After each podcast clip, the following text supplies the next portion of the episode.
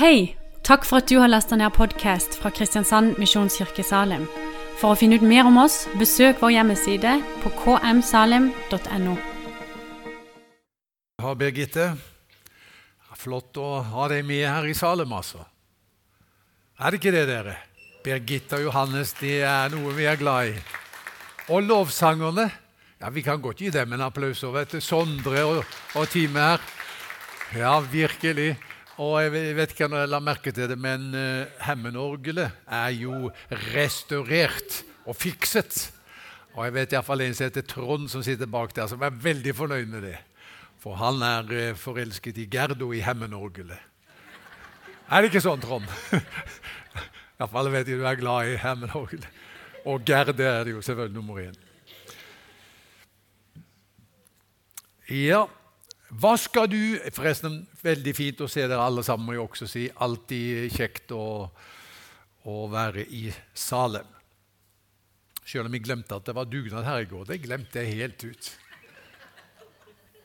Jeg var på kino med mine, to, to, av mine barnebarn, faktisk. Nå har jeg bekjent mine synder. Ja, ja. Du, eh, du Geir, hva skal du tale om på søndag? spurte min far eh, for noen dager siden. Min far hjemme i Haugesund, 92, snart 93 år gammel, spurte han hva skal du tale om på søndag. Jeg skal tale om det sjette bud, sa jeg. Du skal ikke bryte ekteskapet. Da så han alvorlig på meg. Det bør du droppe, sa han. ja. Ja, det var ikke en avtale fra han far. Så sa, så sa jeg men, men, jeg vil liksom ikke gi meg så lett. Så jeg sa vi holder jo på med en, en taleserie om de ti bud. Så mener du at jeg skal tale om de fem først, og så hoppe over det sjette, og så, og så ta de fire siste? Nei, det ble jo litt påfallende sa Men Hva med om du tar de tre første og de tre siste? så Ja, ja, ja. ja. Så han er god, han far. Papsen. Jeg forstår hva han tenkte på. Han, han sa til meg, 'Geir, folk har nok å streve med om du ikke skal legge sten til byrden med å, med å tale om det sjette bud', liksom. Jeg har lyst til å derfor begynne med å minne om denne hendelsen i Det nye testamentet, som de aller fleste kjenner til. Du vet, Det var denne gruppen som hadde grepet denne kvinnen på fersk gjerning i hor, og overfor Jesus brakte opp temaet om å steine sånne som henne. Da sa Jesus, 'Den av dere som er uten synd, kan kaste den første steinen.' Da gikk de bort, én etter én.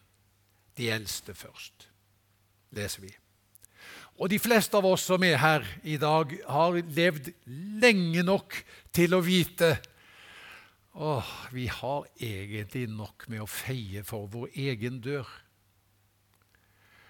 Menigheten er i alle fall et fellesskap der vi møter hverandre slik som Jesus har møtt oss. Jesus møtte oss med nåde og slik vil vi møte hverandre også, nemlig med nåde. I Guds menighet er det plass for eh, alle. Det er plass for deg, om du også har brutt det sjette bud som vi skal snakke om i dag. Men når det er sagt, så tenker jeg at eh, om det var noe tidspunkt dere i Norge at det var behov for klar tenkning og tydelig veiledning i spørsmål om seksualitet og ekteskap, vet du hva, så tror jeg det akkurat nå. Kanskje er det ikke på noe område at vi sliter slik som folk mer enn dette området som har med seksualitet å gjøre.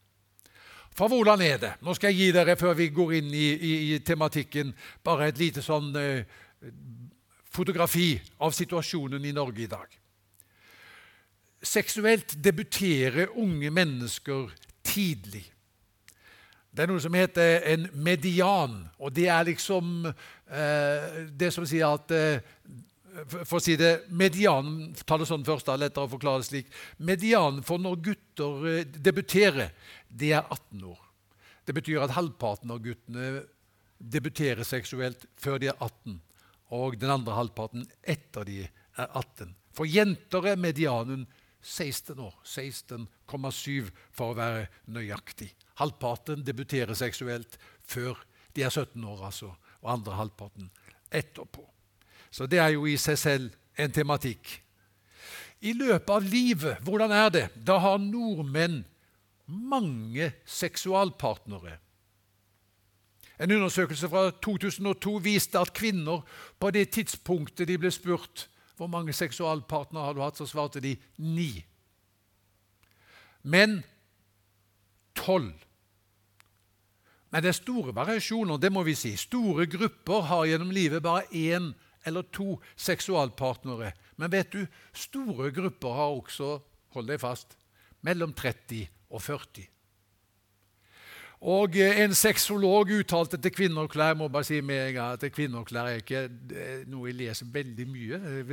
Jeg vet ikke om du gjør det, men eh, det gjør jeg ikke. Men eh, man kan google så mye, vet du. og Da kom jeg over dette her. Da er det en sexolog som har greie på ting, som sier til dette magasinet da, Kvinner og klær det er normalt å ha et sted mellom 1 og 200 seksualpartnere. Det er det normale i Norge i dag. Mellom 1 og 200. Det får stå for hans regning, kanskje. Men iallfall var det slik han sa det. Så kan vi jo da spørre også hva er konsekvensen av en sånn Vi må jo nesten kalle det en løssluppen seksual livsstil. Seksuell livsstil. Hva, hva er konsekvensene?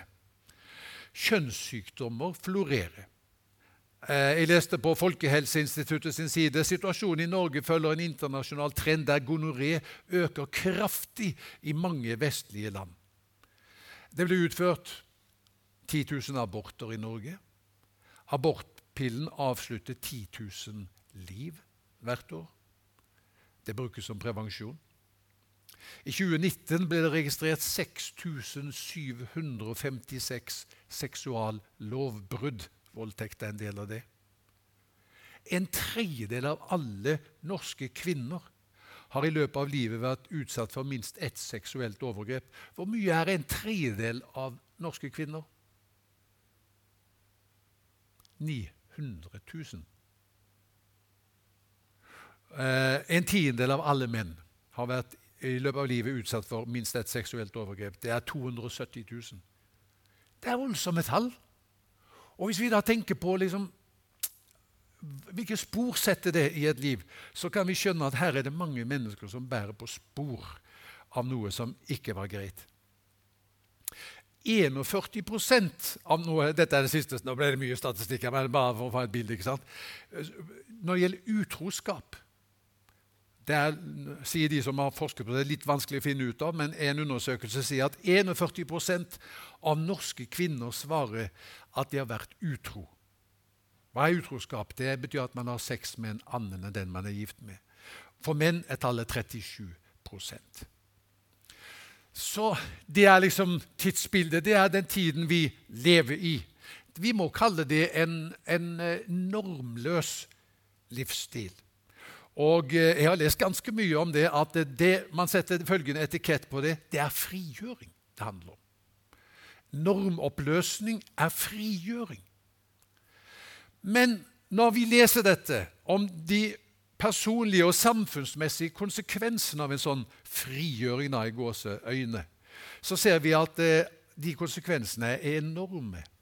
Og En lege sa det sånn at om ikke vi hadde annet enn folkehelse for øye, så burde vi komme opp med en ordning der, som sa at sex hører hjemme i et livslangt forhold mellom én mann og én kvinne. Det ville ut fra et folkehelseperspektiv være det aller beste samfunnsmedisinsk uovertruffet. Vi burde komme på en sånn ordning. Og en sånn ordning finnes. Ikke sant? Faktisk talt den har eksistert i 3000 år. Da var det at Gud gav budene til Israel. Og så sa han som det sjette bud, 2. Mosebok 2014, du skal ikke bryte ekteskapet. Ok, det er liksom steget inn i dette. Så skal jeg samle dette i tre ting, tre punkter. Hva sier Bibelen om ekteskap? Hva er ekteskap? Punkt to. Hvordan bevarer man ekteskapet da, i stedet for å bryte det? Og det tredje, som også er viktig, hva skal den gjøre som ærlig for Guds ansikt i dag med å si 'Jeg har brutt ekteskapet'? Hva gjør man da? Ok, er du klar? Da, da er punkt én. Hva sier Bibelen om ekteskap? Første Mosebok 2,24. Derfor skal mannen forlate sin far og sin mor og holde seg til sin hustru, og de to skal være ett.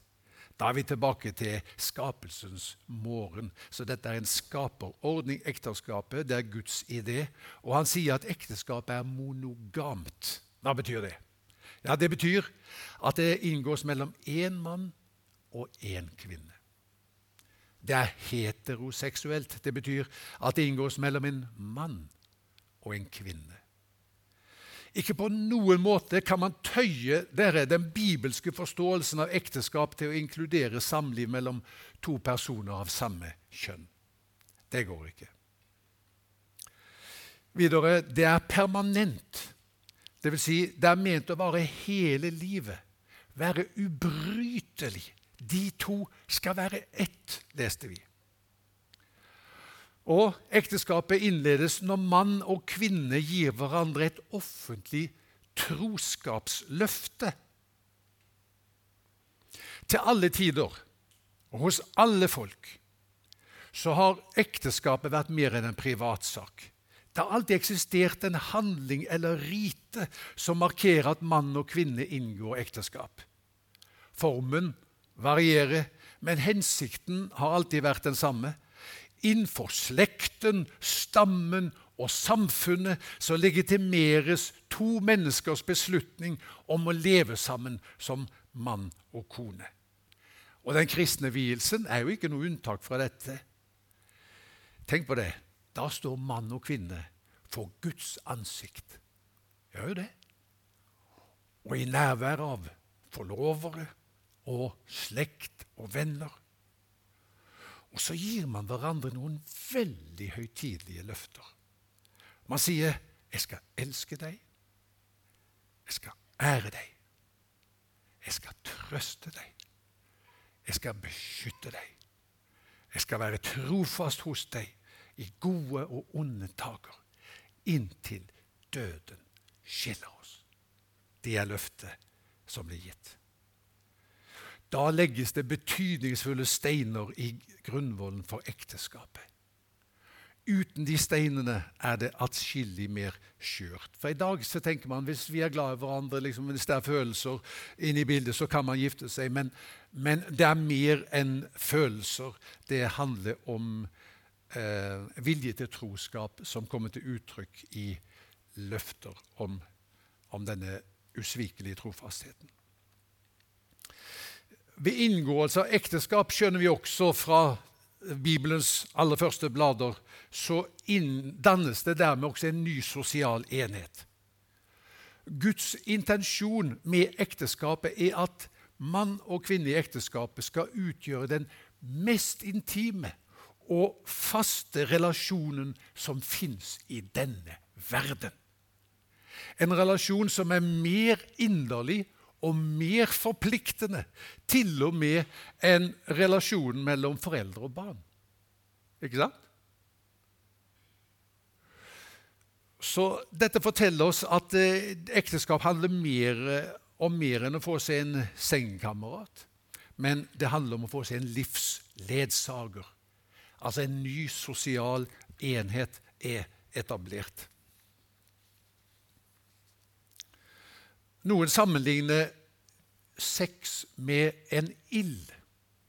Det har egentlig ganske mye for seg. For det at på ildstedet og i ovnen er ild en stor gave. Er vi enige om det? I ovnen, i ildstedet. Altså Betydningen kan knapt overdrives i forhold til bare varme og matlaging. ikke sant? Men hvis ilden kommer ut av kontroll, da er den potensielt kolossalt ødeleggende.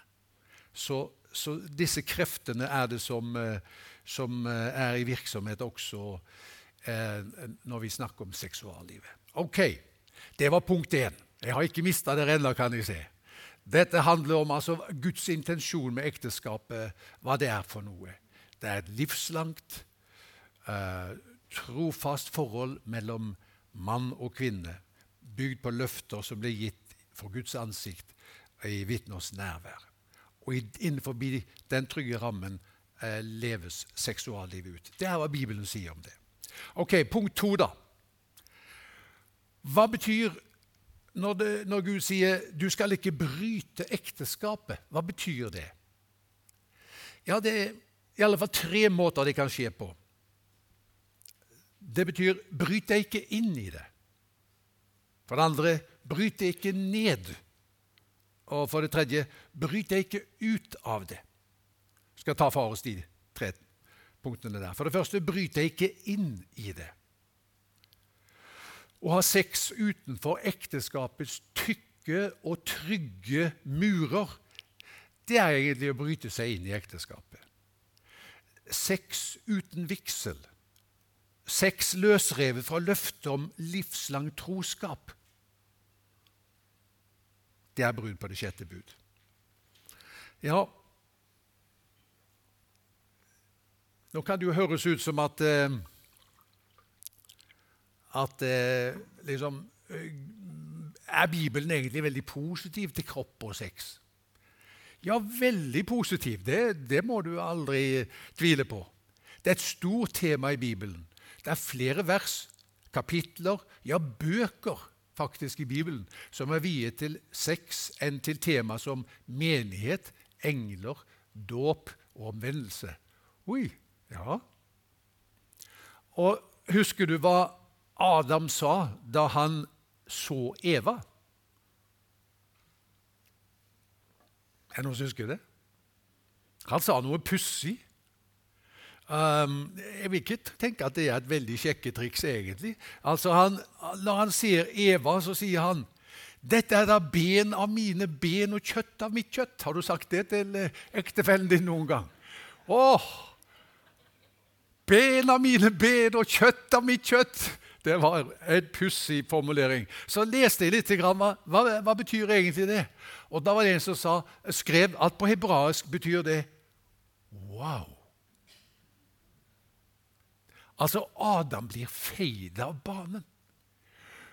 Hjemme i Haugesund ville de sagt 'dra til sjøs'. Altså, han er så betatt av det han sier. Og eh, så I forlengelse av det så kan vi da forstå at Gud sier til Adam og Eva i 1. Mosebok 1,28 Han velsignet dem og sa til dem Vær fruktbare, bli mange, fyll jorden og legg den under dere. Hvis vi skal oversette det til eh, godt norsk, så betyr det ha sex og ha mye sex. Det er det det betyr. Så så vi må aldri tenke at eh, seksualitet og kropp at det er noe som Bibelen liksom ah, ok, det, At det Gud i himmelen sier Hva er det nå de finner på? liksom? Nei, dette har Han skapt. Men fordi det er en sånn voldsom kraft, og også så sårbart, så sier han det må skje innenfor paktens, den livslange kontrakten mellom mann og kvinne sine rammer. Beskyttet av trygghet, kjærlighet og overgivelse, som er liksom grunnsteinen i denne pakten, så kan vi våge å være sårbare og nakne psykologisk, følelsesmessig, fysisk, åndelig. Det er innenfor de tykke, trygge murene at eh, seksualiteten skal leves ut. Så det er det, det, er det ene. Bryt deg ikke inn i ekteskapet. ikke sant? Sex før vigselen er det. Men vi må også ta dette med oss. Bryt ikke ned ekteskapet. Når det står 'bryt ikke ekteskapet', så er det et ord til ektefolk om ikke bryte det ned. Jeg har sagt noen ganger, jeg har jo hatt noen vielser Jeg syns vielser er veldig kjekt. Det er noe av det kjekkeste jeg gjorde i de årene jeg var pastor. Og da har jeg sagt til, ektepar, eh, til eh, brudepar ekteskapet dere, det begynner på topp, det. Og så har jeg en tankepause, og så sier Og siden så går det bare oppover. Smiler de. Det syns de var godt sagt. Men, men ekteskapet er jo ikke en automatisk lykkegaranti. Det er noen som har sagt til meg hvis jeg bare ikke hadde vært gift, så skulle jeg vært lykkelig. Så er det noen som sier hvis jeg bare hadde vært gift, så skulle jeg vært lykkelig. Men, eh, men ekteskapet, det lærte jeg også her på Sørlandet, det er egentlig som hummerteinene. At de som er inni, de vil ut. Og de som er utenfor, de vil inn. Hæ? Så det er som hummerteinene på Sørlandet, ekteskapet. Så, men, men, hvordan kan man styrke ekteskapet, da? Ikke bryte det ned, men styrke det. Investere i det. Ja, da må vi leve som gifte. Ja, Hva vil det si å leve som gift? Det trenger du aldri lure på. Det sier Bibelen veldig klart i 1. Korinterbrev 7, hva det innebærer for mannen. Der står det Den som er gift, er opptatt av hvordan han kan glede sin kone. That's it. Så enkelt er det. Og eh, kvinnen, da? Ja, Det står i samme kapittel, 1. Den gifte kvinne er opptatt av hvordan hun kan glede sin mann. Så hvis vi tenker 'du er til for å glede meg', da er vi på feil spor. Det, det fører ikke fram. Men hvis du tenker 'jeg er til for å glede deg', og den andre også tenker 'ja, men jeg er til for å glede deg', hvordan blir det da?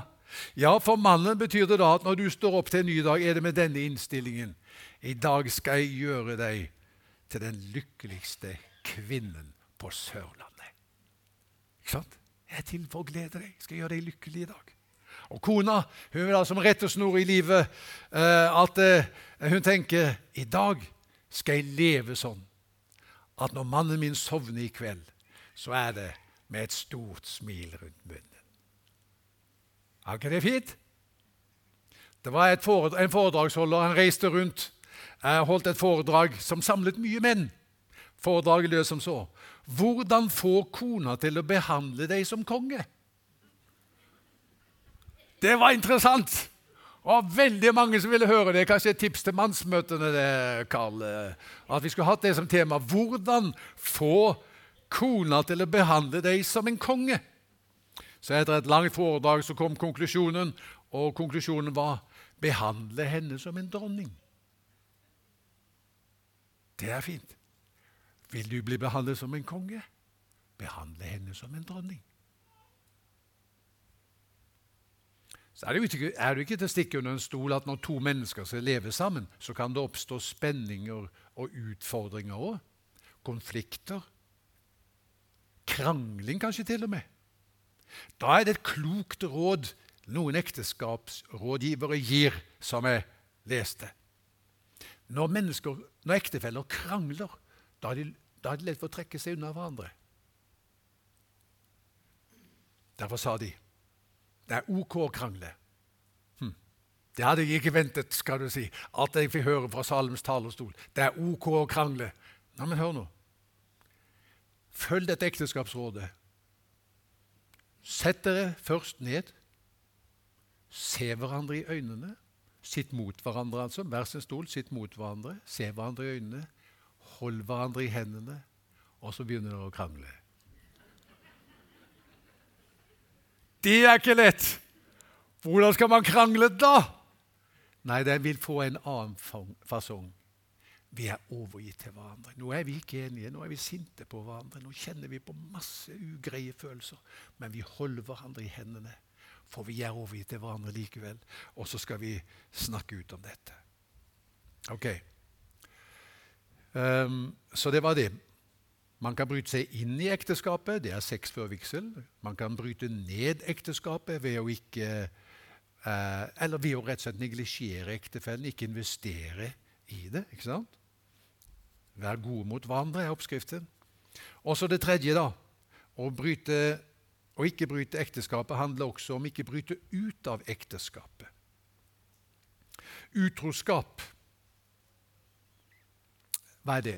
Jeg sa vel det. Det er å ha sex med en annen enn den som er din ektefelle. Skjer det i Norge i dag? Jeg leste det i statsstatistikken. Var det ikke 40% av kvinnene og litt færre menn, men mange der også, som, som sier ja, jeg har vært utro. Bibelen kaller det for hor. Det som er med utroskap, det knuser de dypeste og mest inderlige nivå av tillit og løfter. Skadene som blir påført ektefelle, barn og familie, er så store at mange for sent skjønte at for et øyeblikks nytelse av sex måtte jeg betale med en levetid i skyld. En mann sa til presten som hadde vært utro Jeg skjønner ikke hvordan det kunne skje, sa han. Da sa presten det tror jeg at jeg har en tanke om. Har du noen gang utført den handlingen med den kvinnen i tankene dine? Det hadde han. Det er noe som heter 'så en tanke, høst en gjerning'. Så hvordan skal jeg unngå å havne i utroskap? I alle fall vokt tankelivet ditt. Det er også sånn at eh, Norge da, det tok jeg ikke med i statistikk, men Norge ligger helt i det øverste sjiktet i bruken av pornografi. Og vet du at, um, at um, den samlede inntekt i pornoindustrien det er så astronomisk at det, det utgjør mer enn inntektene i verdens bilindustri. Oi. Så vokt tankelivet ditt og hva, hva du fòrer deg med. Det, det, er veldig viktig. Men så var det også dette da, å bryte ut av ekteskapet handler også om skilsmisse. 40% av alle ekteskap i Norge ender i skilsmisse. Og Jeg har lest at 20 000 barn blir berørt av det. Og Kanskje jeg bare skal si noen ord om barna. da. Fordi at eh, Spor etter en skilsmisse kan man bære med seg i mange mange år. Det er ikke så lenge siden jeg leste igjen, eh, jeg tror det var i Dagen, eh, om en som står frem og, og forteller om dette. Så kanskje om ikke for noe annet enn for barnas skyld. Hold sammen. Det var en fireåring som en, som en dag kom hjem med en kylling. Uh, og Faren forsto at den kom fra nabogården, og så sa han til fireåringen at nå må du gå med kyllingen tilbake til mora hans. Altså så sa gutten at uh, han har ingen mor. Ja, men gå tilbake til faren hans, da, sa faren. Ja, men han har ikke far heller. Han har bare en skitten, gammel elektrisk lampe, denne her kyllingen. En elektrisk lampe kan erstatte en høne som eggklekker, det vet vi. Men ingen samfunnsinstitusjon kan erstatte foreldrenes og hjemmets plass. Det er så viktig for barn å ha en mor og en far at det hender at, at barn dikter seg opp en pappa. Så hvert slag mot ekteskapet det er også indirekte et slag mot den trygge verden som barn har eh, jeg vil si, rett til å leve i. Så vet vi at her er nyanser, og noen ganger er det liksom, man må velge mellom onder. Det er jeg klar over. Men trenden i samfunnet vårt dere, den er som så, og det er, det er det som er poenget her. Du skal styre livet ditt ut fra de behovene du har i dag. Ok, det må jeg si en gang til. Hvordan, hvordan er den vanlige tenkningen? Styr livet ditt ut fra de behovene du har i dag. De følelsene du har i dag. Det betyr at du i realiteten sier til din ektefelle 'Jeg er din i dag, men kanskje ikke i morgen'. For hvem vet hvordan morgendagen blir, og hvilke følelser og hvilke behov vi har da. Men det, en sånn tenkning er et brudd på ekteskapspakten. For vet du hva vi lover når vi, eh, når vi gir hverandre løfter i ekteskapspakten? Da lover vi jeg skal i all framtid styre livet mitt etter det løftet jeg gir deg i dag. Det betyr at ektepar tar ikke beslutninger basert på følelser i nåtid, men på forpliktelsen i fortid. Ikke behov i dag, men løftet i går. Nå finnes det grunner til skilsmisse. Og utroskap hos en av partene er jo en av dem. ikke sant? Eh, det betyr ikke at man må skille seg hvis en av partene har vært utro, men det er så ødeleggende at det, mange ganger er det ikke noen annen vei ut av det. Og så er Det sånn at eh, det kan være andre faktorer som spiller inn. Og, som jeg sa, man, Noen ganger må man velge mellom to onder, og da må man velge det minste av to onder. Det er helt klart. Så vi, sånn er det i denne verden. Og, og, den aller beste løsningen finner vi liksom ikke alltid ut av. Men jeg vil si kjemp for ekteskapet ditt. Gjør det du kan. Si jeg skal gjøre det jeg kan for å få det til å fungere. Eller i det minste dø mens jeg prøvde på det. Ok. Er dere her? Da skal jeg avslutte med det tredje punktet. Hva skal jeg gjøre om jeg har brutt ekteskapet? Hm. La oss avslutte der vi begynte, da, med kvinnen som var grepet på fersk gjerning i hor. Hva var det Jesus sa til de som brakte opp dette temaet om steining? Han sa de av dere som er uten synd, kan kaste den første steinen. Ikke sant? Og da gikk de alle sammen. For det var ingen der som var uten synd. Eller i den gruppen av mennesker som var der, var det noen som var uten synd? Ja, ja det var faktisk det. Det var én. Det var Jesus. Men han kastet ikke stein. I stedet kan vi si at han lot steinregnet ramme seg selv da han døde for oss på korset. Han som ikke visste av synd, står det i Det nye testamentet, ble gjort til synd for oss. Han går inn under skylden og straffen og skammen, bærer uh, våre synder i sin kropp når han dør, for å gi oss tilgivelse og nytt liv. Hva skal jeg gjøre som har brutt det sjette bud? Du må komme til Jesus som vil si til deg, som han sa til denne kvinnen, han som har sårmerker i hendene, i sin side og i pannen, han som døde for deg på korset, du må komme til han, og så må du høre hans ord. Og han vil si til deg, som han sa til henne, heller ikke jeg fordømmer deg. Gå bort og synd ikke mer. Jesus sier, 'Jeg elsker deg uansett fortid'. Jeg vil helbrede deg og bruke deg som du er nå. Kanskje du sier ja, synden min er stor. Ja, sier Jesus, men nåden min er større. Du er ikke dømt til å leve en skyggetilværelse om du har brutt det sjette bud.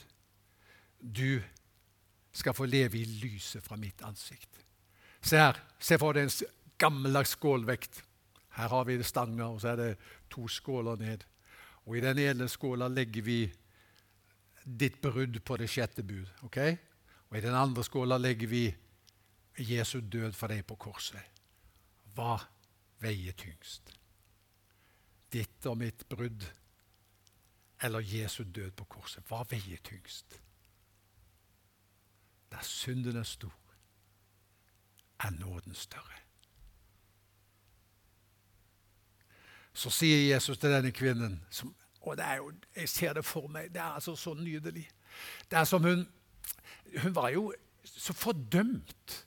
Og det var som om mennesker hadde trakka på henne med jernskodde hæler. Var det ikke det, da? Men når Jesus sier til deg 'Har ingen fordømt deg?' Nei, her er ingen. Heller ikke jeg fordømmer deg. Da er det som denne blomsten som hun er, som ligger liksom trakka ned til bakken, reiser seg igjen. Det er et mirakel som skjer når den reiser seg igjen og åpner seg liksom i lyset og varmen fra Jesu ansikt. Og så finner hun tilbake sin tapte uskyld. Og så sier Jesus til henne, 'Gå bort og synd ikke mer'. Legg merke til rekkefølgen. Han sa ikke 'synd ikke mer, så skal jeg ikke fordømme deg'. Men han sa 'jeg fordømmer deg ikke, du er fri. Reis deg i stråleglans'. Og så kalles du til et liv eh, som er eh, i samklang med det som er hans vilje. Hva betyr det? La meg være veldig tydelig. Er du akkurat nå i en seksuell relasjon med noen utenfor ekteskapet? Sex uten vigsel. avslutte. Har du forsømt din ektefelle? Neglisjert? Invester i ham. Invester i henne. Vær god mot ektefellen din. Har du vært utro? Det er tilgivelse hos Jesus. Ta imot tilgivelse. Så kan det ved Guds nåde legges en ny grunnvoll for livet ditt. Er du utro nå? Da må du vende om. Og så skal du huske på det, har du gått deg vill, så er det aldri for sent å begynne å gå den rette veien. Er du skilt og gift på nytt? Hva skal du gjøre da? Å, invester i ekteskap, det nye ekteskapet ditt. Få det til å fungere. Elsk din kone, elsk din mann. Ta imot alt du kan få av Jesus, så dette virkelig blomstrer. Du behøver ikke å leve i en skyggetilværelse, men du skal få leve i glansen fra hans ansikt. Jesu ansikt. En kjent mann, nå går jeg inn for landing, skrev i selvbiografien sin uh, at uh, han hadde hatt mange mørke og tunge erfaringer i livet sitt. Han hadde gjennomgått mye tøft og skjønte, sier han, at det hadde sin grunn i hans utuktige vaner og manglende respekt for ekteskapet og slaveri under sex. Hvordan i all verden har jeg kommet hit? sa mannen i sin selvbiografi. Og vet du hva han svarte? Jeg har aldri hørt noen preken om det sjette bud. La oss be. Herre, takk for at eh, du døde for oss. Takk at du tok på deg skylden, straffen, skammen. Og ved troen på deg så får vi del i et nytt liv, der vi blir fri fra fortiden. Og vi får tilbake vår tapte uskyld. Og vi kan reise oss i stråleglans og gå videre i livet. Legge bak oss det som gikk galt, og så gå inn i framtiden sammen med deg. Jeg ber for enhver som har hørt, eller som på podkast vil høre dette, og la de få kjenne at din arm er der hos dem. Og du, om vi er troløse, er du trofast og du vil aldri svikte. Takk at du er ikke kommet for å kalle rettferdige, står det, til omvendelse. Altså friske trenger jo ikke lege. Men du kom for å kalle syndere, for du sa det er syke som trenger lege. Takk for legedom hos deg. I Jesu navn. Amen.